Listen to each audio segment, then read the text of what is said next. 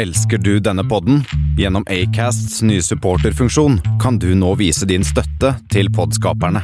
Det er helt opp til deg hvor mye du ønsker å bidra med. Klikk på lenken i podbeskrivelsen for å støtte podkasten.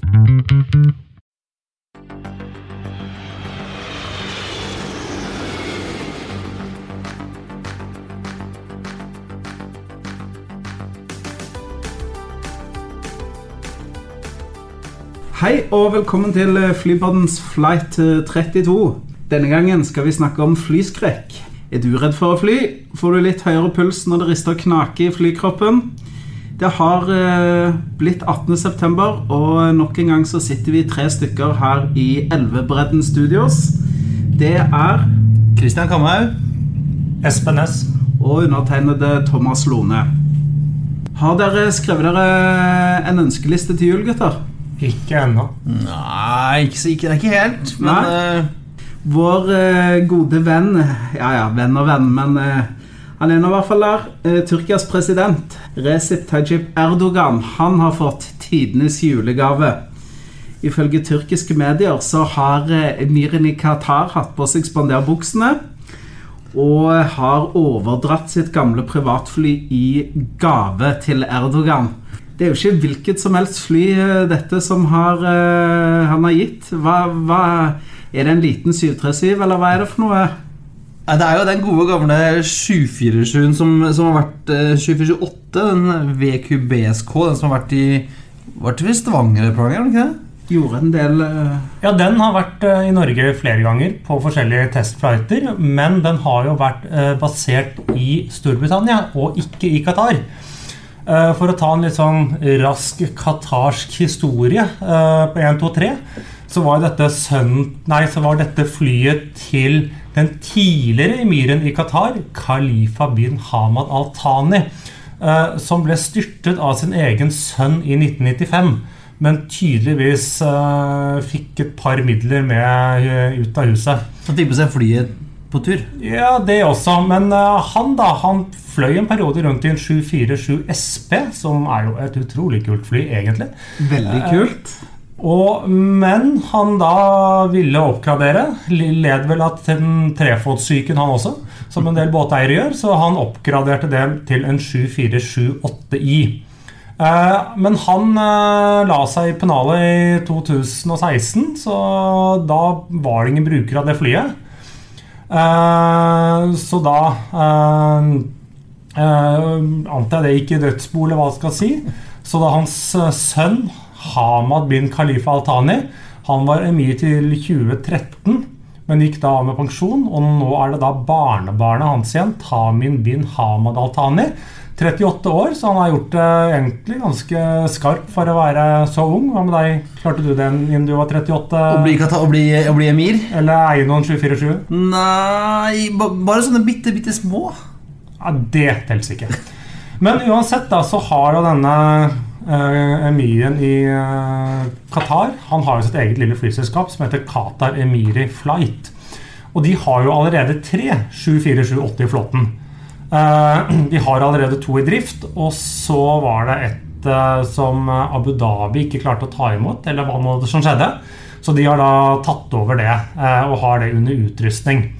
Så når de da arvet den fjerde maskinen av den forviste bestefaren, så viste jo de såpass moderasjon og måtehold at de ga da den bort til de trengende. Altså Erdogan. Erdogan, ja. Eller, eller Tyrkia. Vi vet, det, det som, jeg har lest litt sånn eh, Det er liksom ikke helt klart om det var Erdogan personlig som fikk dette, eller om det var Tyrkia som fikk det som presidentfly. Nei, og dette er jo en klassisk mobiltelefon til én krone-sak. Eh, Få fly billig. Her er det et par små driftskostnader ved. Uh, ellers er jo disse Qatar Emiri Flight, som de heter for å, Det er ikke akkurat uh, De slår Donald Trump, for å si det sånn, og Air Force One. De, I tillegg til da tre 7478 i flåten, så har de tre Airbus A340. En av den sjeldne 200-varianten, en 300, og en av den også sjeldne 500-varianten. Mangler det 6600, da. De er mangler, mangler 600. Ja, det, det er flott maskin, altså. Bare Ja. sånn on the record.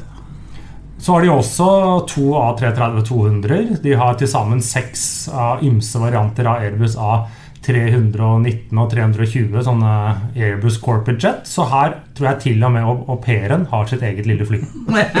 Og bikkja. Ja, har de bikkjer der? Jeg vet ikke. Nei. Men hadde de hatt en bikkje, så hadde det blitt en, hadde det blitt en, en 319 på den. altså Eller kanskje en 318 til bikkja. Eh, Men falken? Har de må ha en falk? Ja, Eller tre? Har dere sett det? Eh, Det bildet fra- Det bildet eh, Det er jo faktisk De har lagd sånn sertifiserte falkeseter um, for uh, å bruke nede i Gulfen. Det er sånn vagler som du setter på økonomisetene med sånn brett under. da Så hvis de driter, så driter de ikke på setene. Så uh, det er jo klart uh, det er viktig å transportere falkene sine um, på den riktige måten. Så det, det har de fått til å ordne seg der nede. Men eh, jeg tenker hva er motivasjonen for å gi bort en sånn maskin? Er det uten at vi skal bli en politikkpod, er det for å styrke bilaterale tenkelige at nå Erdogan han trenger litt oppmuntring i hverdagen, eller er det bare for rett og slett å bli kvitt eh, litt eh, dødkjøtt i, i flyparken? Den har jo vært til salg, ligget til salgs en stund, men, men det er jo altså Tyrkia og, og Qatar er jo gode venner diplomatisk sett. Det er vel en sånn De har vel en eller annen, en eller annen agenda der, vil jeg tro. Det er vel ingen andre som er venner med Qatar om dagen? I det området der, nei. Nei. Men ellers er jo folk venner med Qatar. Liksom. Og bruktmarkedet for en uh, Boeing 747 med VIP-konfigurasjon er jo kanskje ikke det mest det største der ute. Nei. Det er jo en, en, en verdifull maskin, men ikke, ikke akkurat sånn lett omsettelig. Vil jeg si. Det er jo liksom ikke så mange som er, er interessert. Eller mange, eller mange er interessert, det er ikke mange som har mulighet til å kjøpe. Jeg kunne sett for meg eh, Slyngstad i oljefondet eh, farta rundt i denne 747-en Hadde du, til eller, eller Erik Solheim, selvfølgelig. Eller Erik Solheim, ja. Altså Det hadde vært billigere FN eh, å bare kjøpe den kjerra og gi den til, Erik istedenfor å la han fly rundt på first class. Med det samme vi er i Tyrkia, så må vi innom eh, moteverden. Altså vår moteekspert, som eh, også har en, en, eh, en herremoteblogg. Eh, Christian, du har notert deg at eh, Turkish Airlines sitt cabin crew de får nye uniformer. Turkish Airlines eh, feirer jo 85-årsjubileum i år, eh, og så er det jo ny flyplass på vei og greier, så da passet det jo da å få bestilt nye uniformer. Må vite. Eh, og det her, altså design, Designen her er den samme som designet de forrige uniformene til Alitalia. Ikke de som er nå, men de som de hadde tidligere. De som ble, levert av, eh, av et, som ble betalt av Etihad. Um, eh, og de forrige, altså de forrige Alitalia-uniformene var veldig fine, veldig lekre, men visstnok ikke særlig behagelige. Uh, og det er jo viktig også. Det skal ikke bare se lekkert ut, man skal jo være litt behagelig eh, når man er på jobb også. Man bruker jo disse uniformene i veldig mange timer når man f.eks. på langdistanse. Men er det ikke italienerne først og fremst opptatt med å ta seg godt ut? Jo, men jeg tror altså, De har også veldig sterke fagforeninger. Men eh, tilbake til, til, til Turkish, eh, Espen. Eh, jeg, synes, at- jeg, jeg, har, jeg har sett på disse uniformene. Eh, jeg syns de er superlekre. Men, men særlig damene. Damenes uniformer er som vanlig veldig fine. Det fins De er liksom litt i rødt og litt i grått og det, er- det er lekkert. Eh, Men eh, som i, i tilfelle med Deltas uniformer, som vi snakket om i Flight 17 så har de gjort et eller annet rart med herrene. Eh, de har eh, falt fristelsen til å kødde det til med å lage en merkelig slags krage på mennene. En slags blanding av en, eh, en, eh, en sjalskrage og en pysjamaskrage, egentlig. Eh, som ikke er særlig lekkert, spør meg. Eh, vil du ha, Espen? Ja, Den, den der herrejakken Det minner jo litt om den der morgenkoppen eller slåbroken til Hugh Hefter. Ja. Det er en sånn Du skal ikke si brodert, men uh, Ja, jeg vet ikke om det er morgenkopp eller slåbrok. Når, når bytter man fra morgenkopp til slåbrok, forresten? Hvor lenge må man sitte oppe da? Ja, det er vel eh, Forskjellen er vel at morgenkoppen har man ut, har man, har ikke noe særlig klær under, mens slåbroken, da har du jo klær under. Deg om det. Hvor, hvor, kommer den, eh, hvor kommer røykejakken din i bildet? Ja, det kommer enda senere. Ja, Nei, altså, dette, dette blir en helt en, egen pod, Thomas. Men Ja, det, vi har ikke tid til dette. Vi må gå videre i sendingen. Det må vi. Vueling de legger ned eh, København til Malaga. Og nå er det bare fire selskaper som flyr den ruta. Det må bli vanskelig for danskene. Altså det, konkurransen eh, er jo ikke den samme som eh, i fjor. Nei, det er SAS, det er Norwegian, det er Ryanair og det er Primera Air som tilbyr Ja, det er vel 40 ukentlige avganger mellom København og Malaga i vinterhalvåret. Og det er enda flere om sommeren. Det skal eh, godt gjort ikke komme seg til, eh, til Syden fra Danmark, Espen. Ja, i hvert fall nå i vinter, men er ikke Malaga en sånn destinasjon som i hvert fall om sommeren uansett fyller seg opp? Jo, det er sånn, Du kan egentlig fylle den fylle, uansett, og det, eh, Fra Oslo går det jo sånn flere, da, flere daglige både med SAS og Norwegian. tror jeg. Det er, sånn, det er et, et sånt, litt, litt som vi snakket om med, med, med Gulf-selskapene også. Det er et sånt uskyldig hull. Det er bare å dytte på. Eh, Vi har jo folk, jeg kjenner folk som har hus alene. De er sånn Nei, men jeg stikker ned en helg, liksom.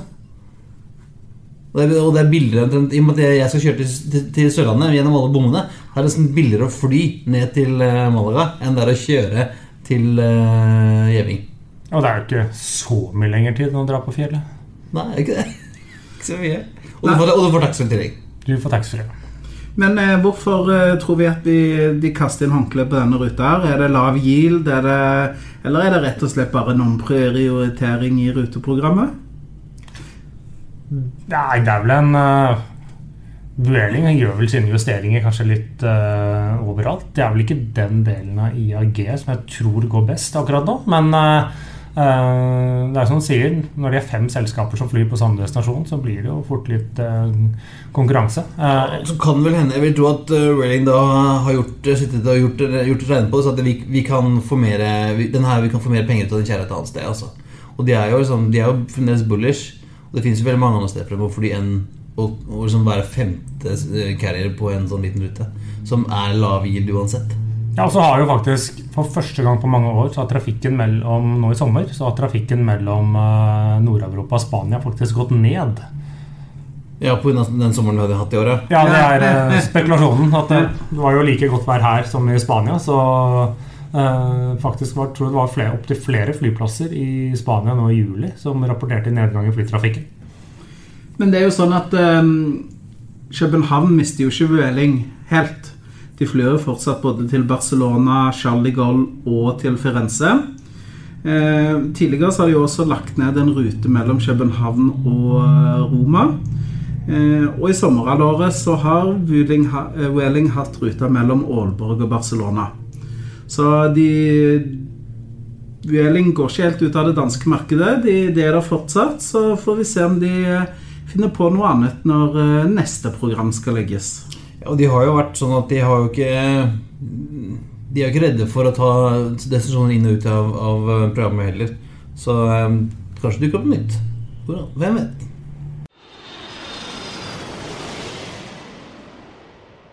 Yes, eh, Espen, du fikk jo eh, en liten oppgave av oss til å følge primæret Air. Har du noe nytt på den fronten å melde? Ja, jeg trodde ikke det egentlig skulle være så veldig vanskelig, men vi rakk jo knapt nok å prøve å fortelle og forklare om alle de nye langrutene de skulle åpne fra forskjellige europeiske byer eh, forrige uke. Eh, og omtrent var vel omtrent dagen etter, så da annonserte de Madrid som en ny ja, kan man kalle det base, eller i hvert fall eh, eh, destinasjon, hvor de da stasjonerer to 737 maks 9 fra og med neste juli. Og da åpner rute til eh, New York, eh, Toronto og Boston. De, vi var en som var inne på med Vueling, som hadde ganske mange konkurrenter på den Malaga-ruta. Så er, det jo, er jo ikke Vueling alene heller på Madrid. Til Madrid, eh, New York. Primera, mener du? Primera. Primera. Yes. Nei, det er det jo ikke. Eh, de har jo både eh, American, The United, The Delta, Norwegian, Air Europa, som alle flyr widebodies til New York. Men da er det jo spennende når Primera kommer inn, for hvordan er setekostnaden for en eh, narrowbody-operasjon kontra en widebody-operasjon på den ruta? Ja, Det gjenstår å se. Ja, det, er, altså det, er jo, det er jo rimelig bullish av en sånn liten carrier som Primera er å bare dytte seg inn overalt. Altså Madrid, Frankfurt, overalt. London. Men jeg, men jeg tenker litt sånn på i forhold til De må jo ha en utrolig markedsføringsjobb da i- foran seg. Jeg skal bygge, bygge en, en merkevare som ingen kjenner.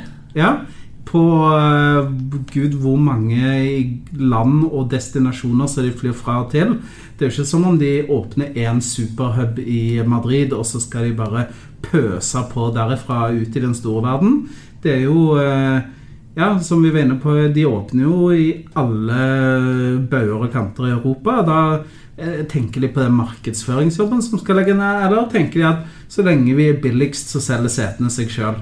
Kanskje er det en kombinasjon? Jeg, jeg, jeg vet ikke. Eh, Nå har vel andre rundt bordet her mer kjennskap, kjennskap til kanskje å kalle det sosiale medier og slik for meg, men hvor mye koster å egentlig kunne markedsføre seg der og markedsføre seg på nettet? Jeg kan ikke helt se at Primera Air skal slenge opp masse reklameplakater på metroen i Madrid, men eh, Ja, det som også vi ser som i, i veldig mange andre markeder, eh, kanskje litt unntatt, unntatt i Norge eller Skandinavia, egentlig, så er det jo veldig mange som, som kjøper gjennom disse online-agentene. Disse meta-search, liksom som Finn-type. Ja. Men som er enda sterkere i veldig mange andre land. eh, Og da er det eneste som gjelder, er, er, er det billigst. Kommer du, er det billigst, kommer du øverst eh, på lista og blir booka.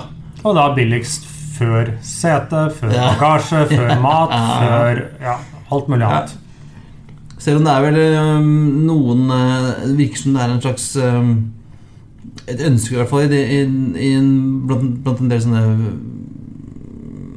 forbrukerrettighetspersoner i, i EU at man skal få lagt inn så mye som mulig av disse ekstraene. Men så er det jo hvis man ikke trenger det, da. Men man kan jo gjerne da definere en standard og si at man når man skal fly interkontinentalt, så trenger man en bagasje, man trenger et måltid, og man trenger et flysete. Det kan jo være én måte de kan gjøre det på. da At de, at de definerer en standard. Ja.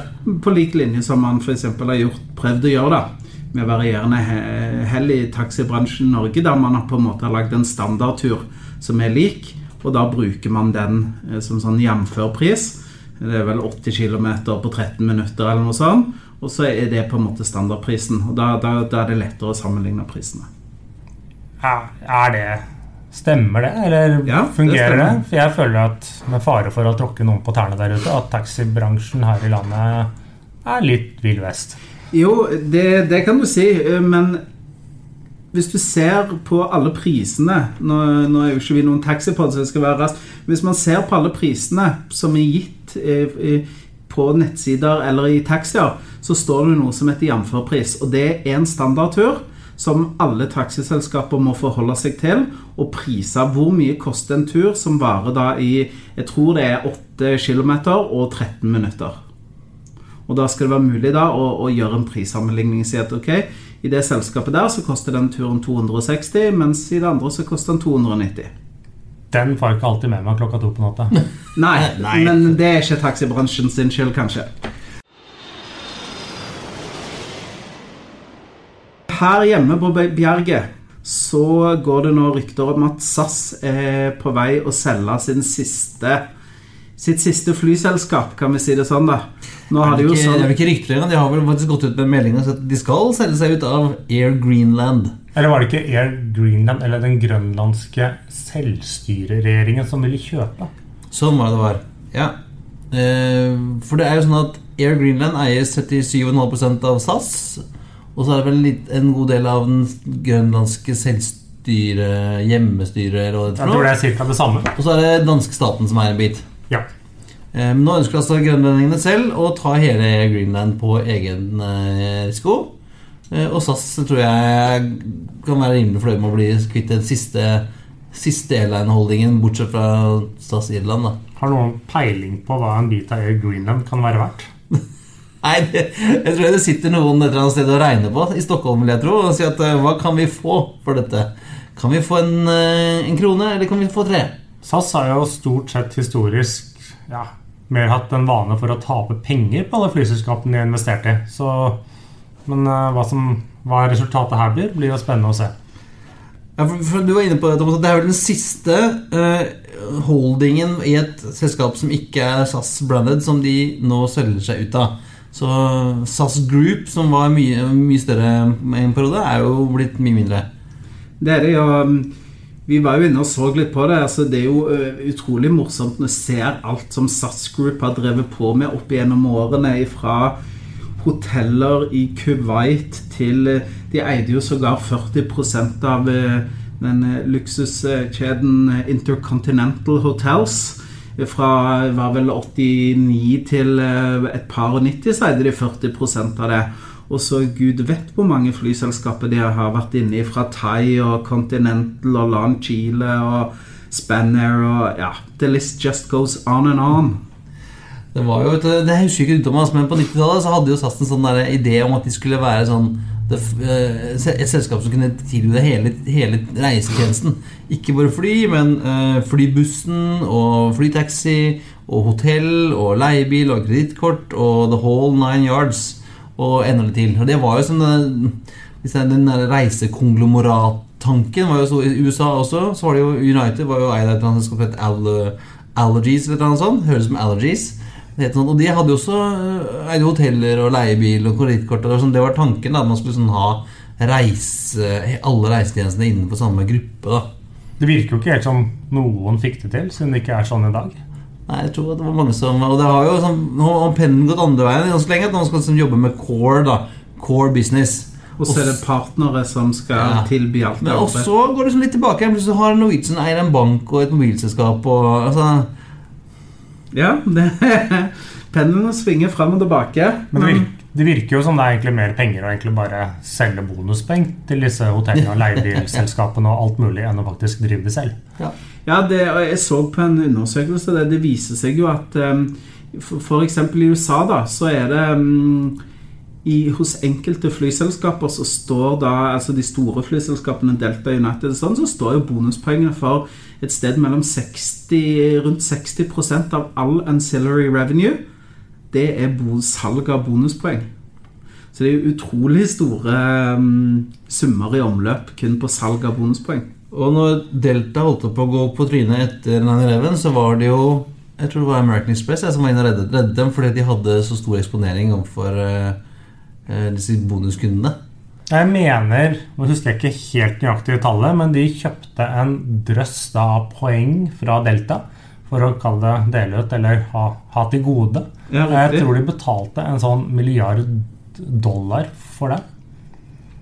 rett og slett eh, ja, forskutterte bonuspoengene og, og hjalp, eh, hjalp eh, Delta til med cashen. Cashflowen ble litt bedre da. Nei, men jeg, jeg tenker Hva er Air Greenland verdt? Altså, hva er det de har? De har en A330, og så har de noe proppfly som de driver og flyr rundt der på. Ja, Og noen helikoptre. Jeg tror det er noe helikoptre der. Ja. Det er vel ikke alle flyplassene på Grønland som er eh, like like egna å fly på med fly. Nei. Så jeg tenker Vi har jo ikke sett noe på regnskapene til Air Greenland. Jeg vet ikke om det er, om det er ting som er offentlig, men eh, det er klart eh, hvis de tjener penger, så kan det jo være at eh, SAS får en liten slump. Men det er klart det er jo ikke aksjer som er lett å omsette. Så det er sånn Du har én kjøper, og det er sånn Ja, det blir litt dyrt for oss, kan eh, de grønlandske selvstyremyndighetene si. Så, jeg, så står jo igjen SAS igjen med valget Ja, skal vi selge, så må vi jekke ned prisen. For det er jo ikke akkurat noen andre som står og banker Nei, på. jeg tror det er at man eh, gjør vel en slags eh, beregning, og så sier de at det er greit. Det er alltid greit å selge til noen som vil kjøpe av prinsipp. Da får man ofte litt bedre pris enn eh, når man må selge selv. Og for å ta det store de store påstanden hva i alle dager skal SAS med en liten eierandel i Air Greenland? Det er et godt spørsmål. Men helt avslutningsvis så tenkte jeg skulle stille et åpent spørsmål. da. Tror du at vi vil få se SAS-flighter mellom København og Grønland på regulær basis, sånn som man har f.eks. til Færøyene, hvis eh, dette salget går i boks? Ønsker SAS å fly, fly en sånn rute selv? Har jo fløyet på Grønland tidligere. Jeg husker at uh, når jeg eh, Funny story. Når jeg begynte å jobbe i SAS, eh, så jobbet jeg på, på callsenteret, og da lærte vi oss alle disse kodene. Ja. Eh, og det var en kode for, uh, som var lagt inn spesielt, så man kunne si at man skulle ha maks antall oppgraderinger til business class. Man kunne bestemme at man skulle ha eh, x antall, gjerne null oppgraderinger til business class uansett. Ja, riktig. Eh, og den ble visstnok lagd fordi eh, Man ønsket ikke å oppgradere Grønland, folk fra Grønland eh, til business class på vei på den flyet fra Grønland til København, for de drakk seg snydens fulle alle sammen. Ja, riktig. SAS Flyway var det på 90-tallet, så mener Ja. de fløy med 767 til 767 Søndre Strømfjord. Ja. Og så gjorde de vel et sånt halvveis comeback med Airbus A319. Har jo På et vært annet testa en gang, det også. Så, altså, Grønland er jo litt sånn et sånn up and coming reisemål.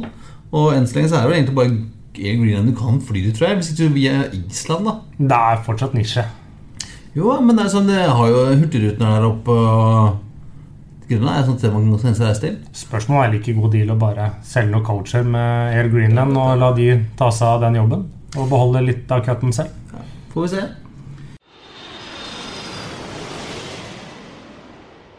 Vi er jo ikke noe sånn breaking news-sjapp, det har vi jo eh, sagt, Christian. Men eh, en liten breaking news kan vi ta der, for i dag ble det annonsert en ny eh, rute, Espen. Ja, uh, Wizz Air skal åpne sin For et navn. Ja, det Come here and go Wizz. jeg vet ikke helt hva det betyr, men ja. Uh, men de skal altså starte sin første rute til Oslo lufthavn Gardermoen, OSL. De har jo i mange mange år fløyet til Torp. De tror de faktisk, Jeg lurer på om de faktisk er eh, største aktør på utenriks fra Torp. Jeg lurer på om de faktisk er større enn Ryanair. Eh, men de skal da begynne eh, å fly daglig fra Gdansk med en Airbus A320 fra 4. april. Riktig. Da, da har vi jo plutselig har vi da både Ryanair og Wizz Air som på en måte low cost carrier som eh, har kommet inn på SM. Og, men altså, vi, er inne på, vi har snakket litt om Wizz Air før. Og det er jo litt sånn der, et, et selskap som får veldig mye mindre oppmerksomhet enn den egentlig du burde ha, syns jeg. Eh, og det er jo sånn Det er jo det tredje største lavprisselskapet i Europa. Ja, de har blitt store. Eh, og flyr ikke da altså tidligere til Oslo, da, så flyr du jo til Torp, Kristiansand, eh, Stavanger, Bergen, Haugesund, Ålesund og Trondheim. Og Tromsø. Tromsø. Ikke sant? Eh, er det bare er det bare KLM som flyr til like mange destinasjoner i Norge? Ja, og de, og, ja, de flyr jo til flere destinasjoner enn KLM. Ja. Ja. Eh, og de var jo tidligere veldig hva skal jeg si, østeuropeisk fokusert. De er vel egentlig ungarsk, tror jeg, men hadde jo mye sånne Polen-ruter. Ja, det er vel Eller har. Ja, Ungarn, Ungarn, Polen og nå har de jo, Men det største og sånn voksne hub er jo London, faktisk. Ja, de åpnet opp en hub i Luton. Uh, som forresten ble kåra til uh, Storbritannias verste flyplass. Noen år. Ja, så Nei, men eh, hva tenker dere? Altså, Nå åpner de på Oslo lufthavn. De snakker tydeligvis med ruteutviklingsfolkene på Sel osv. Som sitter i Guangzhou og rister eh, sammen med stormen. Yes. Eh, hva tenker dere? Har Torp noe å frykte her? Eh, ja, det tror jeg. Men eh, hva, hva som vil skje Jeg tror ikke de vil trekke seg ut av Torp. Så Eh, jeg tror nei. Fordi at som vi ser, hvis vi ser på kartet, så flyr de jo til overalt og ellers. Eh, og Torp-rutene har, eh, liksom, har bra full Bra, bra kok på de, sier de jeg snakker med på Torp. Og, og, og det er jo altså, veldig mange polakker som bruker, bruker OEC. Ja, men jeg, tror nok at Torp kan risikere å miste en del trafikk til OSL pga. det. Jeg tror ikke de vil forsvinne fra Torp, men eh, de kan absolutt risikere å miste, og i hvert fall miste fremtidig vekst. Så er det jo sånn at eh, Oslo Gdansk er jo, det er jo ikke akkurat København-Malaga med fem flyselskaper, men, eh, men det er nå tre flyselskaper som flyr mellom Oslo og Gdansk. Eh, hva tenker vi om SAS, Norwegian? SAS har vel et par-tre ukentlige. Norwegian har vel en åtte-ni ukentlige avganger mellom Oslo og Gdansk. Det vil jo i hvert fall være spennende. Men, eh, det, dette, men dette er jo en destinasjon som hva skal jeg si, har trafikk i egentlig begge ender. Du har jo både en relativt stor polsk eh, gruppering her i landet som, eh, som jobber her, eh, og som også er innvandret. Og så har du jo også samtidig at Gdansk er jo et ganske greit lokasjon for en helgetur. Det er kort å fly dit. Det er relativt rimelig. Ja. Det er, det er ikke bare relativt, det er skikkelig billig.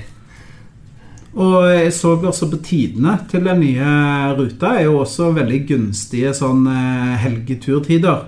Det går vel eh, Flyet går vel i sånn tretiden litt over klokken tre på ettermiddagen fra Gdansk til Oslo. Og så snur det der, og så går det i- femtiden tilbake igjen til Gdansk. Ja, den er jo langt mer eh, egnet for en helgetur enn hva som er fra Torp i dag. For der er jo flyet drar jo kjempetidlig fra Gdansk til Torp, og ganske tidlig fra Torp tilbake. Ja. Så det er jo Så jeg tipper at uh, denne ruta her vil uh, mest sannsynlig både få nordmenn som ønsker en tur uh, til Gdansk, og polakker som skal enten besøke slektninger eller venner her i Norge, f.eks. Ellers er jo også hvis er, de har huber til en del destinasjoner som faktisk ikke det er noe rute på til OSL i dag. Blant annet tror det er Sofia, jeg tror det er Kiev. Mm. Så kanskje, hvem vet, kanskje dukker opp en rute der. Det er i Kasakhstan. Ja.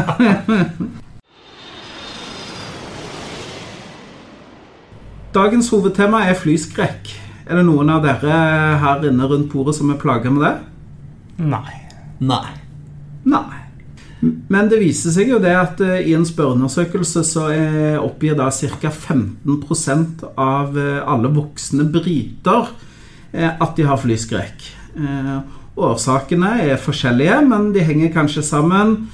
Man sitter stappa sammen i en eh, aluminiumsylinder eh, ca. 30 000-40 000 fot opp i lufta. Det er trangt. Folk har gjerne litt sånn klaustrofobi. Eh, Man legger hendene sine i, i Nei, man legger livet sitt i hendene på to, de to stykkene som sitter framme i den spisse enden. Hvis du legger hendene dine i Ja, hendene i fanget, der kan det kanskje bli andre ting. Men eh, så jeg tenker det er jo ting her som er ganske logisk, at folk eh, er redd for å fly. Ja, altså Jeg skjønner det selv ikke. Eh, for at eh, det der med å miste kontrollen Du har jo ikke kontroll når du kjører buss heller, liksom, tenker jeg. Men nei, For meg virker det ikke helt logisk. Men, men for de som, som har det problemet, så er det et veldig alvorlig problem. Det, det gjør noe med livskvaliteten deres. Folk som ikke har vært på ferie, har problemer med jobben. Altså, det, det er ganske vanskelig hvis du, har, hvis du sliter så mye med flyskrekk som veldig mange gjør. altså Ja, jeg leste, eller jeg så en eh, reportasje om en dame her i Norge som hadde vært med på sånn flyskrekkurs i, i regi av Widerøe. Og hun sa jo det at eksempel, hun, hun kunne aldri dra på ferie med ungene sine. På sånn sydenturer eller fly til en storby eller noe sånt en helg. Fordi at hun turte ikke. Det var hennes motivasjon for å melde seg på et sånt kurs. Så det er jo eh, med så mye som vi nordmenn og europeere og egentlig alle i hele verden reiste, så, så er det jo utrolig hemmende da å ikke kunne tørre å sette seg om bord i et fly.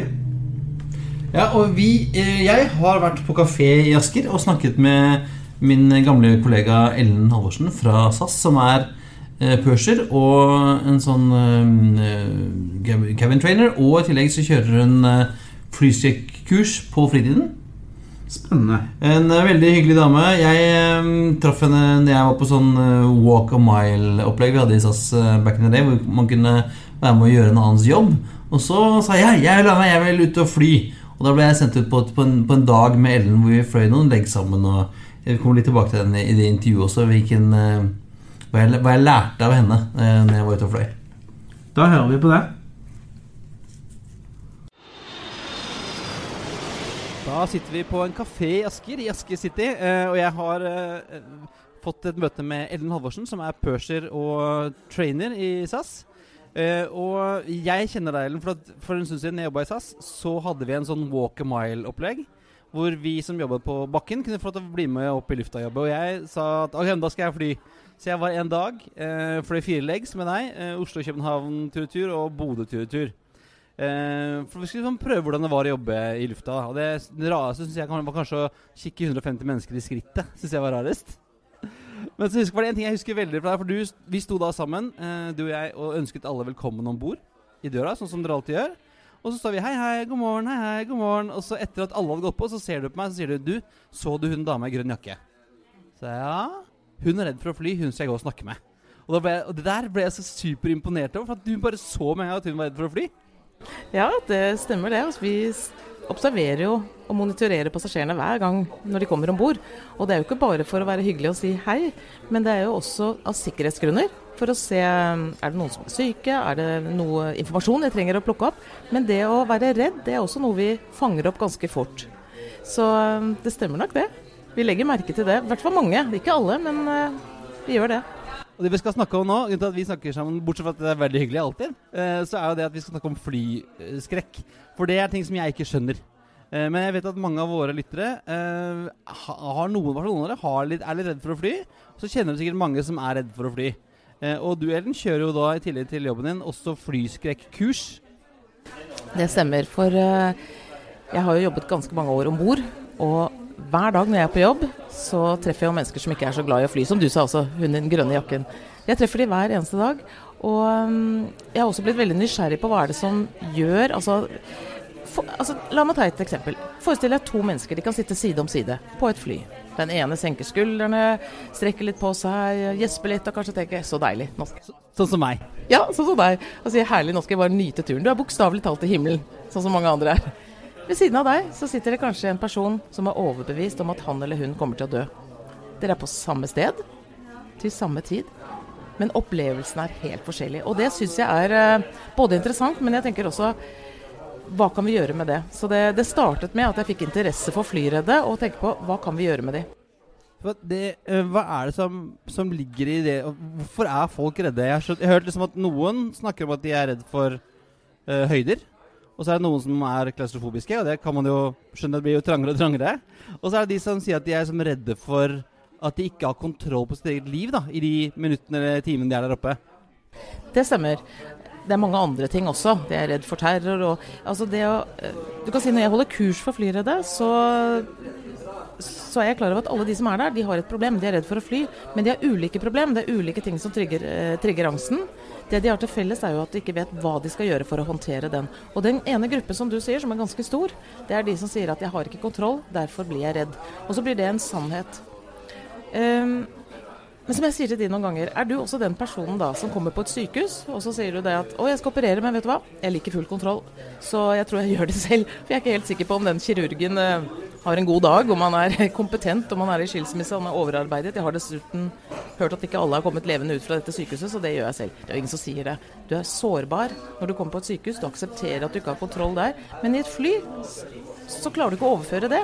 Der tror du på det argumentet at 'jeg har ikke kontroll, derfor er jeg redd'. Men vi må på en måte ja, ta det, eh, ta, lære oss å håndtere det likevel. Eh, også alle vi vet jo at det er mye mye tryggere å fly enn å ta eh, og kjøre til flyplassen. Eh, så det kan man jo si til folk som er redde, at dette er jo mye tryggere.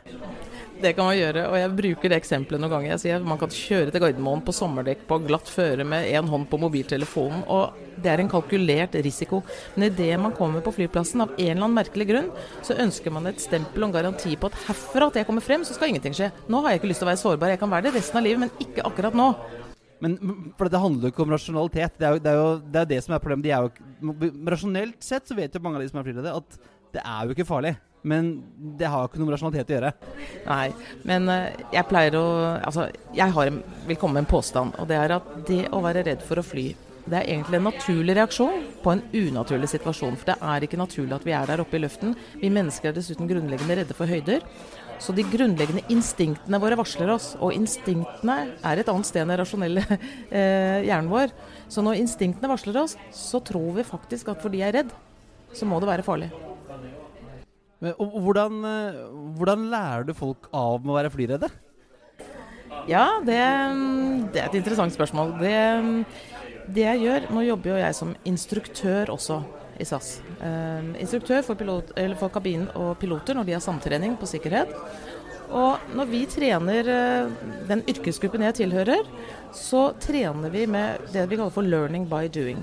Vi vet at når stress og angst øker, så minker mentalkapasiteten. Så det nytter ikke bare å gi en pilot en stor manual og si 'pugg dette', hvis noe skjer, så gjør det sånn og sånn. Ikke kabinpersonalet heller. Ikke politi eller andre eh, yrkesgrupper heller, for den saks skyld. Vi må trene fysisk. Ja, så Det er fordi jeg er i simulator, f.eks. Det stemmer det. Og når du kjører bil også. Du kan ikke bare bli en god sjåfør med teori, eller å pugge alt det tekniske på en bil. Du må ut og kjøre. Så jeg kjører egentlig glattkjøringskurs for flyredde. For vi må faktisk gjøre noe. Vi bruker altså fysiologien for å få mental kontroll. Vi bruker samme prinsippene. Vi må lære å gjøre noe for For eh, det å bare være passiv og eh, sitte og ikke gjøre noen ting, det har liten effekt. Det blir mer en handlingslammelse. Vi må håndtere, og det er å ta grep i situasjonen. Det er, sånn vi, det er i hvert fall slik jeg begynner å jobbe med de. Nå skal vi jo ikke ødelegge som businessmodellen din med å fortelle hvordan du skal unngå å være fly, men har du noen sånne tips? Ja, altså et tips Tips nummer én er vel egentlig å komme på kurs hos deg. Det er tips nummer én. Ja, garantert. Hvis du er redd, så gjør noe med det. Punkt nummer to, fordi om du er redd, så betyr ikke det at det er farlig. Og det er heller ikke farlig å være redd.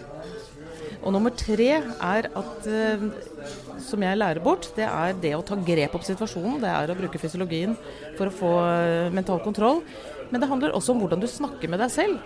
Snakker du med deg selv for å prøve å mestre eller nå resultatene, eller prøver du å unngå ikke og ikke klare det? Altså, hva gjør du for å oppmuntre deg selv for å mestre det?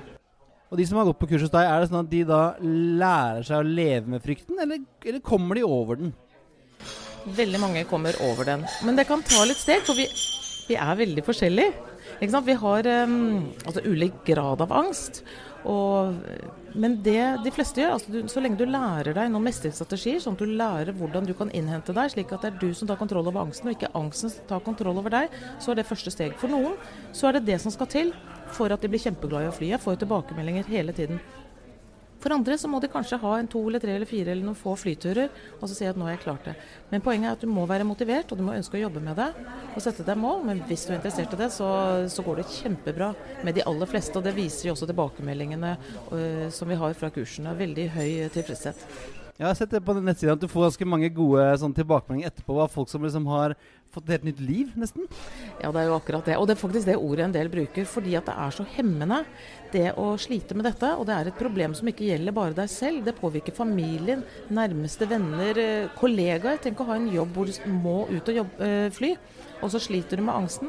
Det tar jo konsentrasjonen, og det går jo utover jobben også. Så det å lære seg metodene, sånn at ikke dette her blir en energilekkasje. Sånn at, det, sånn at de kan forholde seg til en flytur som en transportetappe, og heller konsentrere seg om det å komme frem. Alt det hyggelige du skal gjøre der. Eh, det er det som er målet, og da får de et nytt liv. Altså Jeg får jo bilder av folk etterpå av glede fordi at de nå mestrer dette. At ikke det tar så mye plass i livet deres. Og så er det jo, Vi ser jo nå at det kommer stadig flere hendelser med folk som er over stadig beruset på fly, og folk, fly må lande og sånn. Er det, er det mange av de som måtte selvmedisinerer, tror du? At de egentlig er redde for å fly og derfor drikker seg sanseløst drita? Det er et godt poeng. Eh, jeg tror faktisk det. Eh, vi snakker om det, vi også som er kabinpersonale, i forhold til at vi syns det er flere som er flyredde nå enn før. Eh, og jeg vet ikke hvorfor, om det er mer åpenhet om det, eller hva årsaken er. Men en del bruker selvmedisinering, både alkohol og kanskje kombinert også med, med tabletter.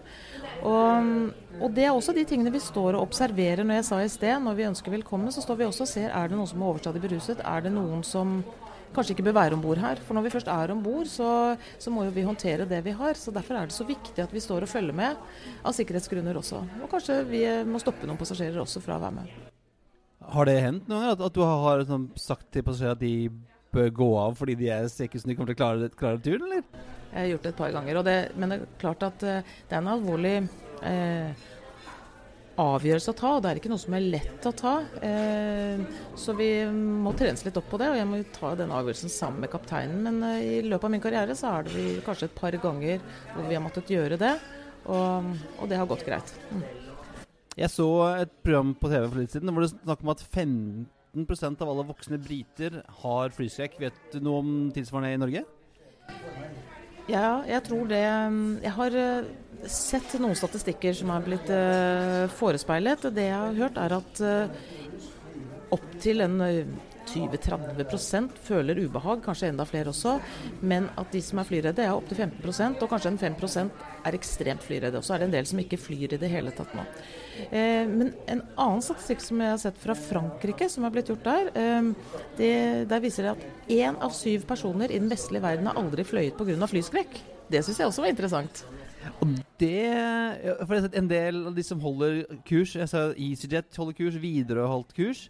Uh, jeg tenker at Det er jo litt sånn i egeninteresse også. Uh, mens du holder, Det er ikke SAS som holder inn kurs, du holder de selv.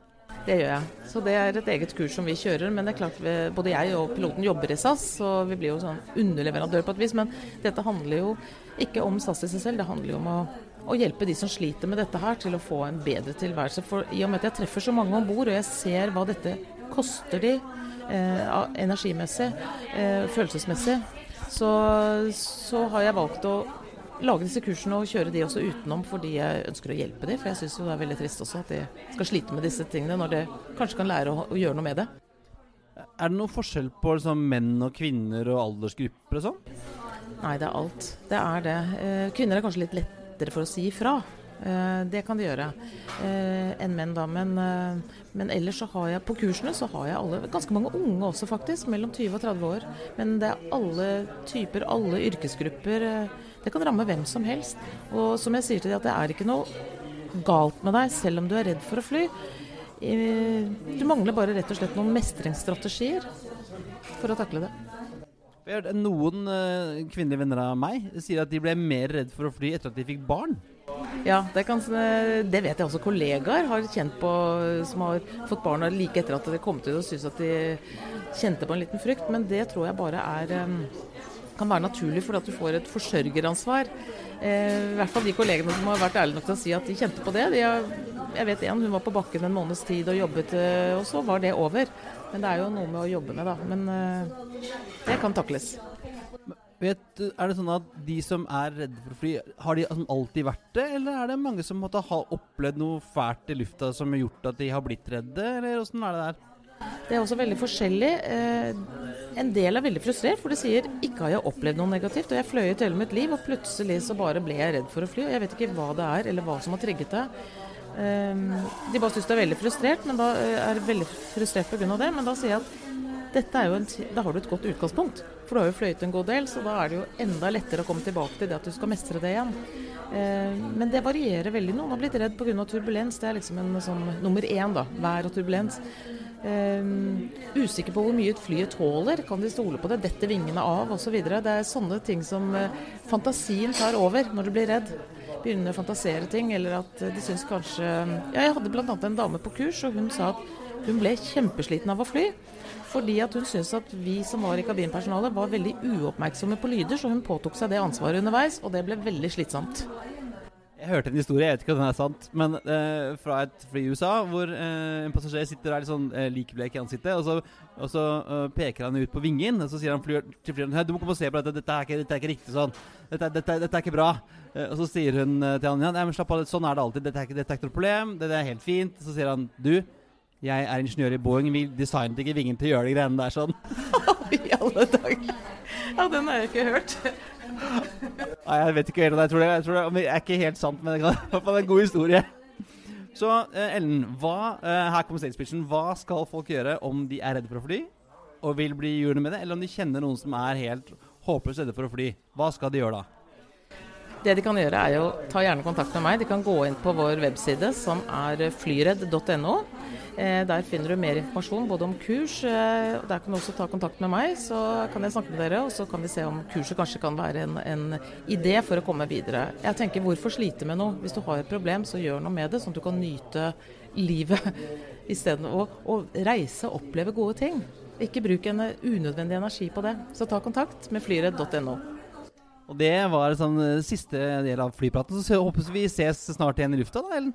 Det håper jeg også, Kristian. Det var veldig hyggelig å se deg. Og da, da slipper jeg å servere kaffe, da, eller? Det skal du slippe. Du kan få lov hvis du vil. Du var veldig god på det. Bortsett fra at jeg husker en ting, jeg gjorde én ting feil. og Jeg helte jo uh, te i kaffekanna. Ja, Det var jo vel ikke helt krise. Men du tok det på sjarmen da etterpå. Ja. Takk.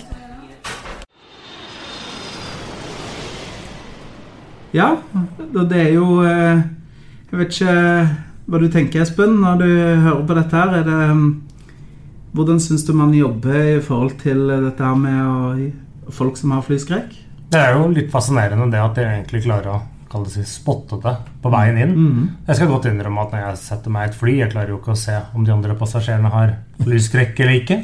Man er mer opptatt med sitt eget. Jo da. Jeg, jeg, har sett det én gang. Jeg satt ved siden av noen som holdt så forbanna hardt i, i stolearmlenet sitt. Eh, at jeg er sikker på at vedkommende begynte å blø inni hendene. Eh, og da eh, måtte jeg spørre, da. Sånn nysgjerrig som jeg er, om jeg ikke syns det var noe greit å fly.